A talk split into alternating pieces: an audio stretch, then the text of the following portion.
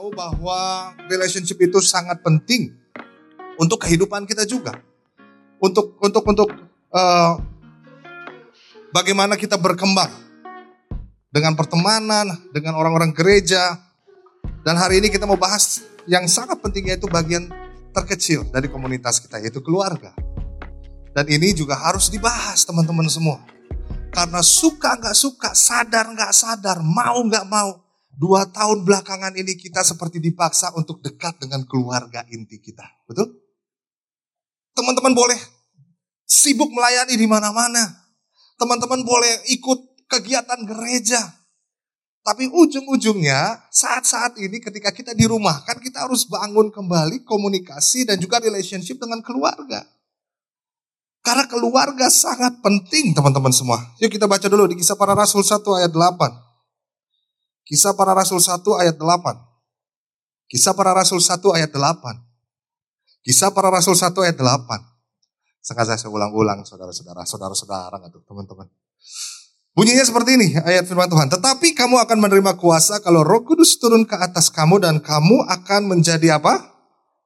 Saksi. Katakan saksi.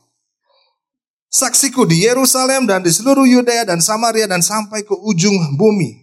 Sadarkah kita bahwa apa yang dikatakan Tuhan Yesus ini ketika dia mau terangkat ke surga teman-teman semua. Bukan hanya tentang pergilah jadikanlah semua bangsa muridku tentang amanat agung, tapi dengan menjadi saksi. Ini juga perintah akhir-akhir ketika Tuhan sudah mau terangkat ke surga. Jadi ini juga pesan yang sangat penting di mana kita harus menjadi saksi di tempat-tempat ini teman-teman semua. Yerusalem, Yudea, dan Samaria. Kita tahu banyak yang mengartikan Yerusalem adalah keluarga. Habis itu lingkungan. Habis itu kota kita, bangsa kita, gereja kita semua. Dan itu harus dilakukan secara bersama-sama. Tapi terkadang yang kelupaan justru yang terdekat. Tapi di sini nggak ada. Di luar sana banyak. Haleluya. Jangan haleluya teman-teman. Banyak anak-anak muda sekarang mereka gila-gilaan melayani Tuhan. Aktif melayani Tuhan, tapi ketika comes to family, keluarga di rumah, bokap, nyokap, kakak, itu jadi ada sesuatu yang tembok besar, sehingga mereka mungkin males ada di rumah. Banyak orang yang sakti, bu, sakti ya, ya sakti lah boleh dibilang. sakti dalam pelayanan, keren dalam pelayanan, tapi di rumah berontaklah, ngelawanlah, nggak ngebantu orang tua lah. Bahkan mereka nggak betah ada di rumah. Nggak ada di sini, beneran deh. Di di Ciputra mau lantai 12. di sini, wah keren-keren semuanya. Tepuk tangan buat teman-teman semua dong. Ih berarti gak ada yang tepuk tangan kan gitu. Mengakuinya ya, saya cuma mancing aja sih. Aduh.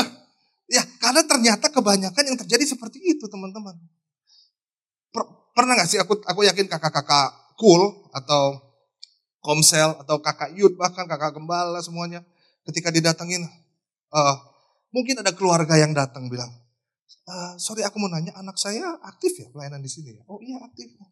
Tapi kenapa di rumah kayak gitu ya kelakuannya ya?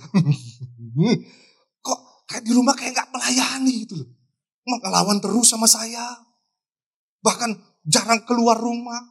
Keluar kamar maksudnya Bahkan, aduh pokoknya saya bingung deh. Apa sih yang diajar sih? Dia bingung. Kita kan bingung. Aduh, gimana ya? Sama kita kan cuma Sabtu Minggu, Tante. Nanti deh sobat saya tanya deh. Dan pada kenyataannya banyak hal itu terjadi di sini teman-teman. Oh bukan di sini, di, di gereja Tuhan. Bukan di sini, di gereja Tuhan. Maaf, maaf, gereja Tuhan. Lantai 12. Lantai 12. Dan oleh sebab itu hari ini kita harus bahas habis-habisan tentang ini. Dan satu hal yang teman-teman harus sadar, ada tiga hal yang kita nggak bisa pilih dalam dunia ini. Pertama kita nggak bisa pilih gender kita, setuju ya? Lo lahir cowok ya cowok, cewek ya cowok, eh cewek ya cewek. Jadi nggak ada yang setengah-setengah tuh, amin. Iya, semuanya kalau nggak cewek, laki. Itu aja, nggak bisa pilih, nggak kayak di game. Yang kedua kita nggak bisa pilih negara kita dilahirkan. Saya pengen dilahirkan keturunan Israel Itali. Wah, nggak bisa. Gue kalau bisa pilih, gue pilih itu. Tapi gue kelahiran Tangerang nih. Kita nggak bisa pilih negara tempat kita dilahirkan. Dan yang ketiga, kita nggak bisa pilih apa? Keluarga. So dari tiga hal ini gue percaya ini adalah satu hal yang penting di mana Tuhan nggak pernah salah pilih. Dan Tuhan gak pernah salah tempatkan teman-teman semua. Termasuk di dalam keluargamu. Setuju ya teman-teman? That's why gue percaya banget ada maksud dan tujuan Tuhan ketika kamu dilahirkan dalam keluarga itu. Dan aku mau ajak teman-teman semua supaya kita sudah tidak lagi membanding-bandingkan keluarga dia keren. Eh, ih bisa deket sama bokap nyokapnya. Eh, bokap nyokap gue keras banget kak aduk dan lain sebagainya. Tapi gue percaya kita semua ditempatkan di dalam sebuah keluarga ada maksud dan tujuan Tuhan ada di situ. Yang percaya katakan amin. Yes, of course. Dan keluarga ini sangat penting teman-teman. Keluarga ini sangat penting. Dan kita harus menjadikan keluarga ini seperti home. Sama-sama bilang home yuk. Bukan hanya sekedar house. Kalau house, house itu cuma sekedar bangunan, tapi kalau home di mana kita bisa feel safe di situ. Karena ternyata bahasa asli dari family itu sendiri adalah bait. B-A, yit. Bait, gitulah. Yang artinya adalah home. Yang pertama. Yang kedua artinya family itu adalah the place that you can find a spot. Wah. Siapa di sini yang selalu mencari wifi, hotspot. Sekarang ada? Ada wifi-nya nggak? Kita pasti cari hotspot. Nah, spot di sini tempat kita uh, nyaman di situ, tempat kita pulang, tempat kita mendapatkan sesuatu. The place that we can find a spot. Di mana kita bisa mengandalkan sesuatu di situ. By it. Itulah arti family, teman-teman. Home di mana kita bisa selalu pulang. Dan juga di mana kita bisa mendapatkan sesuatu di situ. Dan Tuhan rindu kita semua, teman-teman semua yang ada di tempat ini. Kita semua rindu bahwa kita juga memberkati, bahkan menjadi dampak dari komunitas yang terkecil, yaitu keluarga. Karena keluarga memiliki peranan penting untuk kehidupan kita. Haleluya. Sebelum kita memberkati bangsa kita, yuk berkati dulu keluarga kita. Karena keluarga kita yang bisa lihat dapur-dapurnya kita sehingga kita nggak seperti pakai topeng teman-teman. Orang-orang pelayanan bisa ngeliat kita manis-manis, tapi hanya keluarga yang bisa lihat kamu pakai topeng atau enggak. Karena di situlah terbuka semuanya. Borok-boroknya kita, jelek-jeleknya kita. Dan puji Tuhannya, keluarga selalu bisa menerima kekuranganmu. Pertanyaannya, di mana teman-temanmu ketika kamu dalam keadaan terpuruk? Ada orang anak-anak muda sekarang, ah gue lebih enjoy sama teman-teman gue. Ah gue lebih happy sama teman-teman gue. Tapi ketika dia kena masalah, mungkin dia kena sakit, mungkin dia ada problem, stres. Pertanyaannya, siapa yang hadir buat mereka? Apakah keluarga? Apakah teman-teman? Ujung-ujungnya pasti keluarga. Dan keluarga memiliki peranan yang sangat penting. Haleluya. Dan gue percaya kita semua rindu memiliki a great family. Keluarga yang baik, keluarga yang sejahtera. Mm -mm. Ada tiga hal yang akan gue bagiin buat teman-teman semua di tempat ini tentang relationship with family.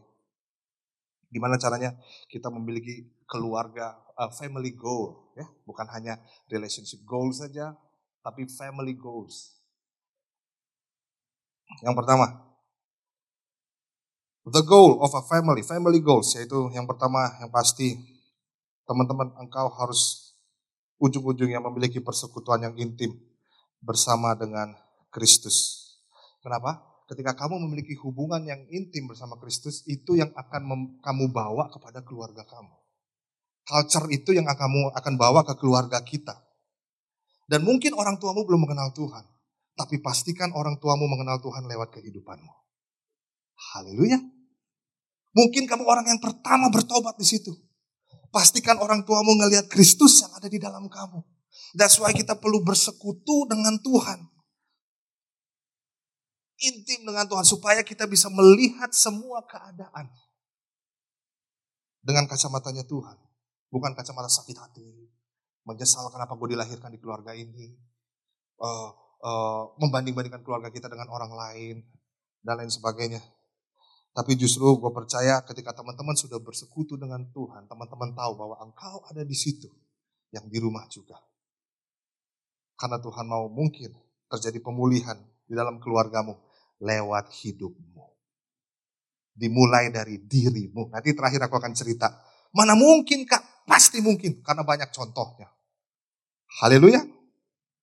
So kita harus membawa culture itu kepada keluarga kita membawa mereka beribadah. Doa yuk. Ya di meja makan aja. Dan lain sebagainya. Di masa pandemi ini saya dan Sinta kami lagi bangun sebuah rumah di, di Sentul. Belum jadi sampai sekarang. Dan jadinya saya harus tinggal di rumah Pondok Mertua Indah ya teman-teman semua ya. Tapi yang puji Tuhan di situ kita mulai bangun culture ibadah, mesbah keluarga. Wah sesuatu teman-teman semua. Yang dulunya papa saya uh, mungkin mereka nggak ngerti caranya berdoa. Nah, kita yang mulai, yuk kita doa yuk, keluarga yuk. Pas makan bareng yuk, ya cuman doa makan lah. Dan pada akhirnya mesbah keluarga itu terjalin. Waktu kita intim dengan Tuhan, kita pasti tahu untuk apa kita ada di situ. Dan percaya saja, waktu kita intim sama Tuhan, apa pun yang terjadi dalam keluargamu, maka kita akan terus berjuang, bahkan berdoa untuk keluarga kita. Yang mau katakan amin. Apakah teman-teman mengasihi keluargamu? Pertanyaannya? Shalom.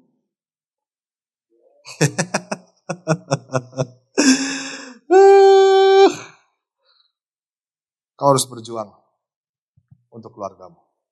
Aku percaya bukan sebuah kebetulan ketika teman-teman bertobat duluan persekutuan intim bersama dengan Tuhan. Sehingga ada hadirat Tuhan di rumahmu melalui hidup teman-teman semua. Yang kedua, berbuah. Pasti. Nah ini yang aku bilang. Buahnya harus bisa dirasakan sama keluarga juga. Bukan hanya teman-teman pelayanan, wah dia aktif ya doa ya. Wah dia aktif ya beribadah ya. Wah dia aktif ya. Oh putus. Gue kerjain dia, dia udah. Wah dia, aktif ya beribadah ya. Wah dia aktif doa ya. Tapi di rumah pun seperti itu teman-teman. Buahnya nampak.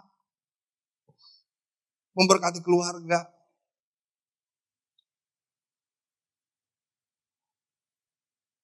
Terkadang ya, kita kan tahu ya kalau dipanggil orang tua tuh nadanya tuh kita tahu tuh. Antara mau disuruh kah, atau diminta tolong kah, atau cuman manggil kah, mau nunjukin sesuatu, tahu tuh. Ada di sini panggilannya Dek, ada? Ada? Yang dipanggil Adek? Dipanggil kakak? Ada? Ada? Dipanggil nama ya? Wah keren. Itu zaman gue kali ya.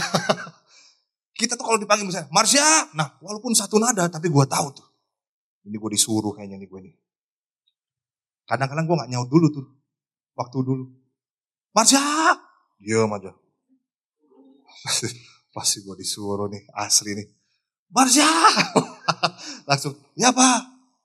Dipanggil kok diam aja sih. itu gue loh, gue kesaksian tentang gue ini.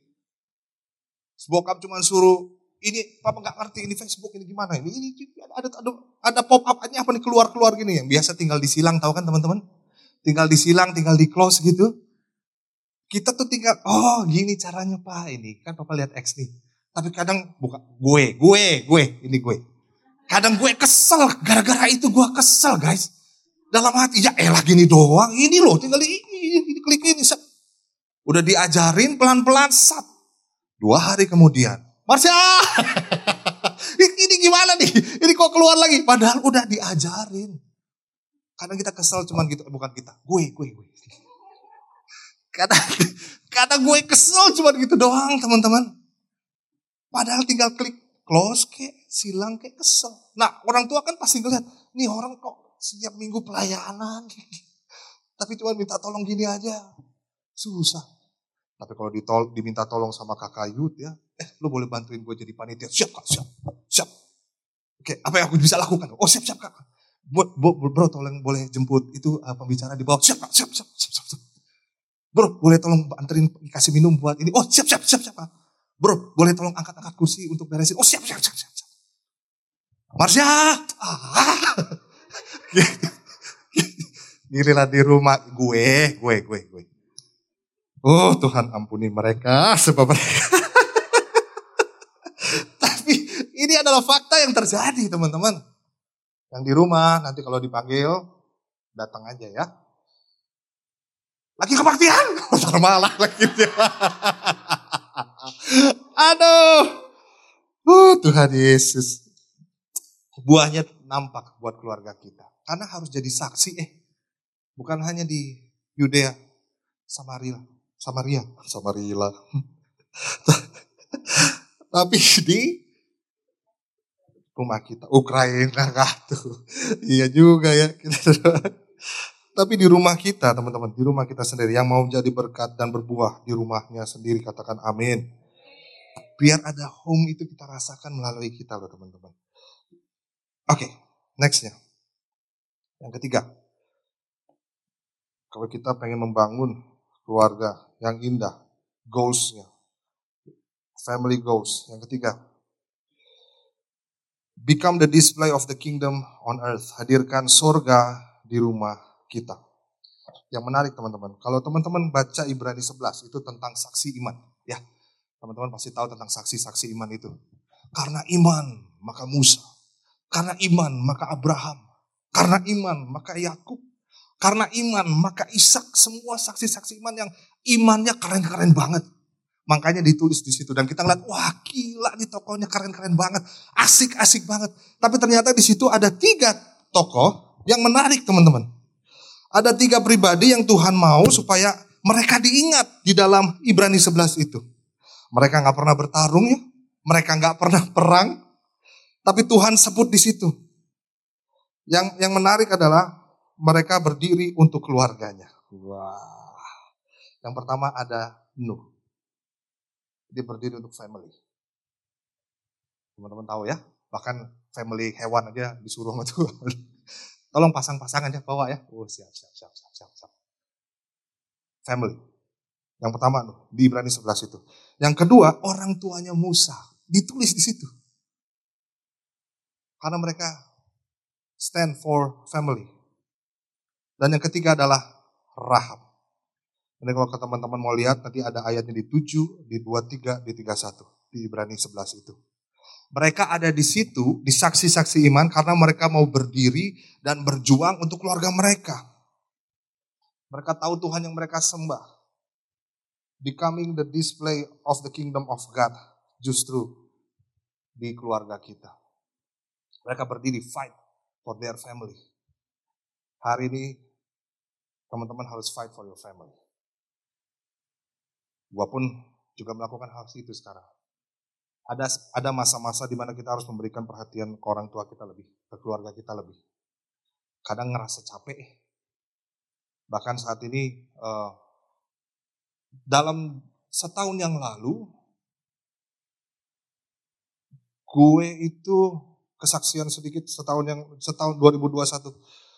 Gue memang uh, justru merenungkan tentang hal ini karena 2021 tahun yang berat, di mana 2020 lah sampai 2021. Karena di situ mau nggak mau suka nggak suka pandemi ini membuat kita lebih mendekat sama keluarga. Nyokap sakit, bokap sakit, dua-duanya sakit. Dan akhirnya kita atur jadwal piket sama kakak karena saya sudah menikah, saya gue udah menikah, saya udah menikah, kakak udah menikah, tinggal adik bungsu, adik bungsu di rumah kita atur, ngurusin bokap nyokap yang sakit, nyokap cancer, dan sekarang udah dipanggil Tuhan 2021 bulan Maret. Jadi Maret ini nanti satu tahun nyokap gue meninggal. Karena cancer, bokap sakit gula. Dan sekarang kakinya sudah diamputasi teman-teman. Tapi gue mau kasih kaki prostetik. Yang ada rodanya, jadi yang seperti gitu. gue suka panggil gitu ke bokap, wah kamu nih. Dan ketika mereka lagi sakit-sakitnya, jagain mereka, Aduh teman-teman, namanya jaga orang sakit ya capek banget. Capek sekali. Belum lagi nyokap, belum lagi bokap, capek. Tapi justru di situ gue belajar tentang kasih kepada family itu sendiri. Eh, kalau gue bisa mengasihi anak-anak bina di youth, anak-anak pemuritan, kenapa gue gak bisa mengasihi mereka semua dan memberikan perhatian lebih kepada mereka? Eh, di situ gue sadar bahwa kasih itu justru ketika kita mengasihi mereka tanpa pamrih. Eh. Dan ngelihat di situ ya ampun, sempat berdoa, capek Tuhan, capek banget jagain orang sakit. Tahu gak Roh Kudus jawabnya apa? Kamu pikir kamu gak sakit? Wah. Kadang kita itu adalah orang-orang yang sakit. dan why Tuhan turun ke dunia datang buat kita menyelamatkan kita semua. Eh, berapa kali kita bertobat, jatuh lagi, bertobat, jatuh lagi, bertobat, jatuh lagi. Dan mungkin kalau gue jadi Tuhan gue capek. Tapi kerennya Tuhan, dia gak pernah capek untuk hadir buat kita. Keren Tuhan kita ya. Nah ini yang menarik teman-teman semua. Waktu kita becoming the display kerajaan Tuhan di rumah kita. Cuman satu dasar fondasinya. Love. Kasih. Itu aja. mengasihi dengan tulus. Meskipun secapek apa pun, tapi kamu bisa bersyukur tentang hal itu. Sehingga memberikan hidupmu habis-habisan untuk mengasihi keluarga. Dan mungkin saat ini adalah saat-saat yang tepat di mana kerajaan Tuhan dinyatakan lewat hidupmu. Ketika orang tuamu stres kerjaan dipecat, atau orang tuamu stres proyeknya nggak berhasil-berhasil, mungkin ada yang sakit, nggak bisa ngapa-ngapain lagi. Ini waktu yang tepat supaya kita menjadi cerminan kerajaan surga untuk keluargamu. Bukan hanya di gereja, tapi di rumah. Yang mau katakan amin. Karena pada dasar kita harus menghormati keluarga kita. Ada sebuah sistem yang Tuhan berikan, structure. Yang pasti pertama Tuhan, papa, mama, anak. Itu lain dari atas ke bawah tuh. Ada juga dari lain bawah ke atas, anak, mama, papa, Tuhan. Dan kalau ngomong dari atas ke bawah, Tuhan, papa, mama, anak itu ngomong tentang respect. Bagaimana kita menghormati orang tua kita juga. Hadir di situ. Tapi dari bawah ke atas, anak, mama, papa, Tuhan ngomong tentang love. Respect and love. Mengasihi orang tua kita, keluarga kita. Dan ini sangat penting, teman-teman, untuk mengasihi keluarga kita. Tapi kak keluarga keluarga saya, saya ah, bentar lagi gua akan tutup. Tapi keluarga saya hancur kak. Bokap ribut terus. Broken broken home aku kak. Gimana caranya aku mendisplay kerajaan Tuhan di situ? Gimana caranya aku menyatakan kasih Tuhan di dalam keluargaku? Keluargaku sepertinya nggak bisa berubah kak. Mungkin papa mama ada yang selingkuh aku nggak tahu deh. Tapi kerjanya ribut, ribut, ribut, ribut terus. Nah aku seorang diri di sana kak. Puji Tuhan. Karena aku percaya satu orang diselamatkan maka saya isi rumahmu akan diselamatkan. Saya akan kasih foto, udah kirim, udah kirim foto ke teman-teman yang ada di sini. Ini bukan selfie ya, bukan foto selfie ya. ah itu dia fotonya. Ini namanya nanti kalau teman-teman lihat ya. Foto ini namanya Rick and Dick Hoy. Dia adalah papa sama anak nih.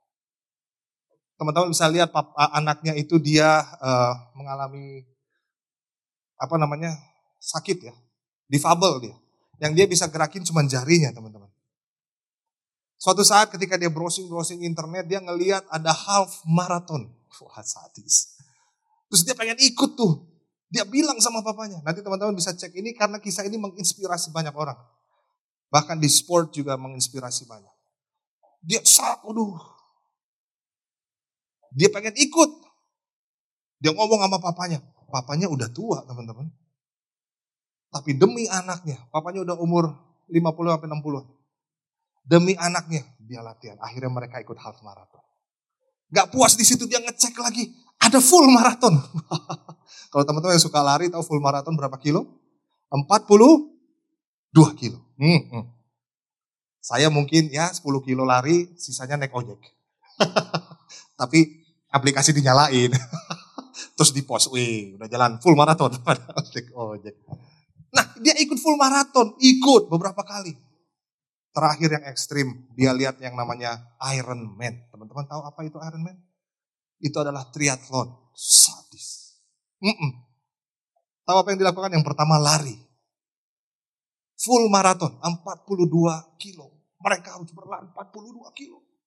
Bapaknya demi anaknya happy, demi anaknya uh, merasakan sensasi dari ikut pertandingan itu. Bapaknya yang dorong, bapak, anaknya mah diem aja karena difabel. Didorong sama bapaknya.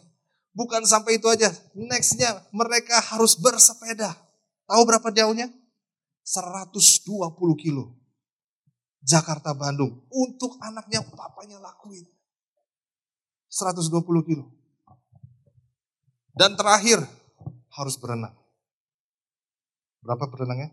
8 kilometer. Ngos-ngosan dalu. Tapi demi anaknya, dia lakukan itu semua. Itu yang yang Tuhan Yesus lakukan. D. Buat hidup kita. Anaknya mah dia aja. Tapi demi anaknya Tuhan turun ke dunia. Kasih yang seperti itu yang membuat kita ngelihat keluarga kita. If you can save me, you can save my family. If you love me, kamu pasti mengasihi keluargaku. Use me God untuk aku menyatakan kasihmu di dalam keluargaku. Aku tahu hubunganku dengan keluarga nggak baik. Tapi aku berdoa breakthrough terjadi dalam nama Tuhan Yesus Kristus. Yang mau katakan amin. Beberapa hal yang kita butuhkan. Yang pertama hanya kejujuran. Kejujuran ketika Tuhan keluargaku hancur nih. Papa mamaku pisah nih. But I love my mom, I love my dad. Dan ketika saya kehilangan mama saya, saya baru ngerasain betapa rindunya saya sama mama saya, teman-teman. Dulu kalau mama saya sakit, dia cuma minta elus-elus saja, saya suka, ah gak tahu apa, gue juga capek. Gak tahu apa kalau begadang ini besok ada acara. Tapi setelah mamaku tidak ada, itulah yang aku rindukan for the rest of my life. Dan kejujuran, aduh orang tua aku sakit, orang tua begini keluargaku hancur. Berani jujur apa adanya sama Tuhan. Mungkin kamu ada kepahitan sama keluargamu, jujur sama Tuhan. Tuhan aku pahit sama papaku. Aku kecewa sama keluargaku. Tapi bukan hanya jujur saja, Tuhan mau kamu bereskan itu. Haleluya. Setelah kejujuran yang yang kita bisa lakukan dengan keluarga yang seperti adalah penerimaan. Terima aja dulu. Bukan menyesali, tapi terima ya, memang keluargaku seperti ini. Memang ayahku keras, memang mamaku keras, memang keluargaku seperti ini gak akur. Accept dulu, uh, accept dulu teman-teman. Terima aja dulu. Terima kalau kita dilahirkan di keluarga ini. Tapi satu hal, Tuhan pasti buka jalan untuk dipulihkan. Amin. Dan yang ketiga, berikan kesempatan untuk keluargamu berubah. Seperti Tuhan memberikan kesempatan untuk kita berubah. Doakan keluargamu. Hadir buat keluargamu. Layani keluargamu. Karena kamu yang sudah dijamah oleh roh kudus terlebih dahulu. Karena kamu yang sudah dipeluk duluan sama roh kudus sama Tuhan. Dan bilang, I love you God. I love you. Dan itu yang membuat kita bilang, I love you too God jujur, terima, berikan kesempatan. Dan saya percaya kalau kita terus dalam Tuhan, mengandalkan Tuhan. Satu orang diselamatkan, seisi rumahmu diselamatkan. Mungkin pemulihan terjadi lewat hidupmu. Terakhir. Next fotonya. Ini adalah anak yang gue bina. Namanya Justin Gulto. Ketika dia cerita, dia sharing, latar belakangnya adalah dia punya kepahitan sama orang tuanya. karena papa mamanya sudah bercerai teman-teman. Dan dia hidup gak sama mereka dari kecil. Karena papanya drugs, mamanya drugs, dia ditaruh di rumah eyangnya. Dari kecil dia dititipin sama eyangnya. Papa mamanya mau wah ke mana-mana. Karena terikat drugs. Dia bilang, aku kecewa berat kak, aku kepahitan kak sama keluargaku. Aku benci sama keluargaku. Suatu saat dia datang, next, diajak pacarnya pada waktu itu, atasnya ya, ya, dia datang dengan keras, orangnya keras, suka berantem, drugs, free sex, karena berontak sama keluarganya. Ketika dia datang, dan kita share, kita sharing di situ, kita berdoa, dan akhirnya saya doakan dia. Saya doain dia. Roh Kudus menggerakkan untuk mendoakan dia. Dan tiba-tiba dia di situ angkat, mulai angkat tangannya. Mulai menangis. Karena tidak ada yang tahan sama hadirat Tuhan. Eh. Gak ada yang tahan sama kasih Tuhan ya. Dia nangis di situ habis-habisan. Dan dia cerita, kak aku kepahitan, aku begini, gini, gini, gini, gini, gini. gini. Sampai suatu saat dia bilang, apa yang aku harus lakuin? Minta maaf sama orang tua. Bukan aku yang salah, Kak. Aku yang ditinggalin kok. Aku nih korban, Kak. Mereka yang gak mau tinggal sama aku, aku yang dibuang. Kenapa aku yang harus minta maaf sama mereka? Kenapa aku harus minta ampun sama mereka? Dan kenapa juga aku harus ampuni mereka? Ya itulah Kristus. Ketika kita ikut Kristus kadang kasih yang disampaikan itu adalah kasih yang mungkin orang itu nggak layak. Itulah kasih Kristus teman-teman. Tuhan mati karena kita ketika kita masih dalam keadaan berdosa. Roma 5 berkata seperti itu. Dan ketika dia mengerti tentang hal ini, ya udah kak, dia WhatsApp mamanya, ma, pertama kali, I'm sorry, aku jadi anak yang gak baik. Aku berusaha jadi anak yang baik. Dan kaget teman-teman, mamanya langsung WhatsApp balik, panjang banget aku iya mama juga minta maaf nak gini gini gini. Oh panjang sekali.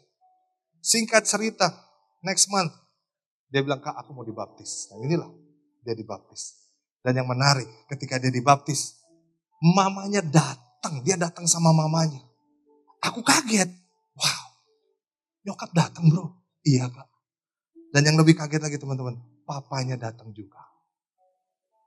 Papanya datang. Aku juga kaget, bokap datang. Loh, ketika dia setelah dibaptis, dicelupin, pasti diangkat lagi dong ya. Gak mungkin di dalam nama Yesus. Bertobat. Gak mungkin kan? Ketika dia bangkit, hal yang pertama dia lakuin, dia peluk mamanya. Mam, I love you. Waduh, teman-teman. Nangis di situ. Saya juga nangis, cuman untung ada air-air ya. Habis baptisan jadi, haleluya Tuhan. Tuhan baik. Karena gue tahu cerita anak ini. Habis itu dia peluk papanya, papanya juga nangis. Dan sejak saat itu, dia membawa pemulihan hati antara dia dengan mamanya dan dia dengan papanya. Memang mama papanya nggak jadi satu lagi. Tapi setidaknya papanya sudah meninggal, by the way, tahun lalu 2021 juga.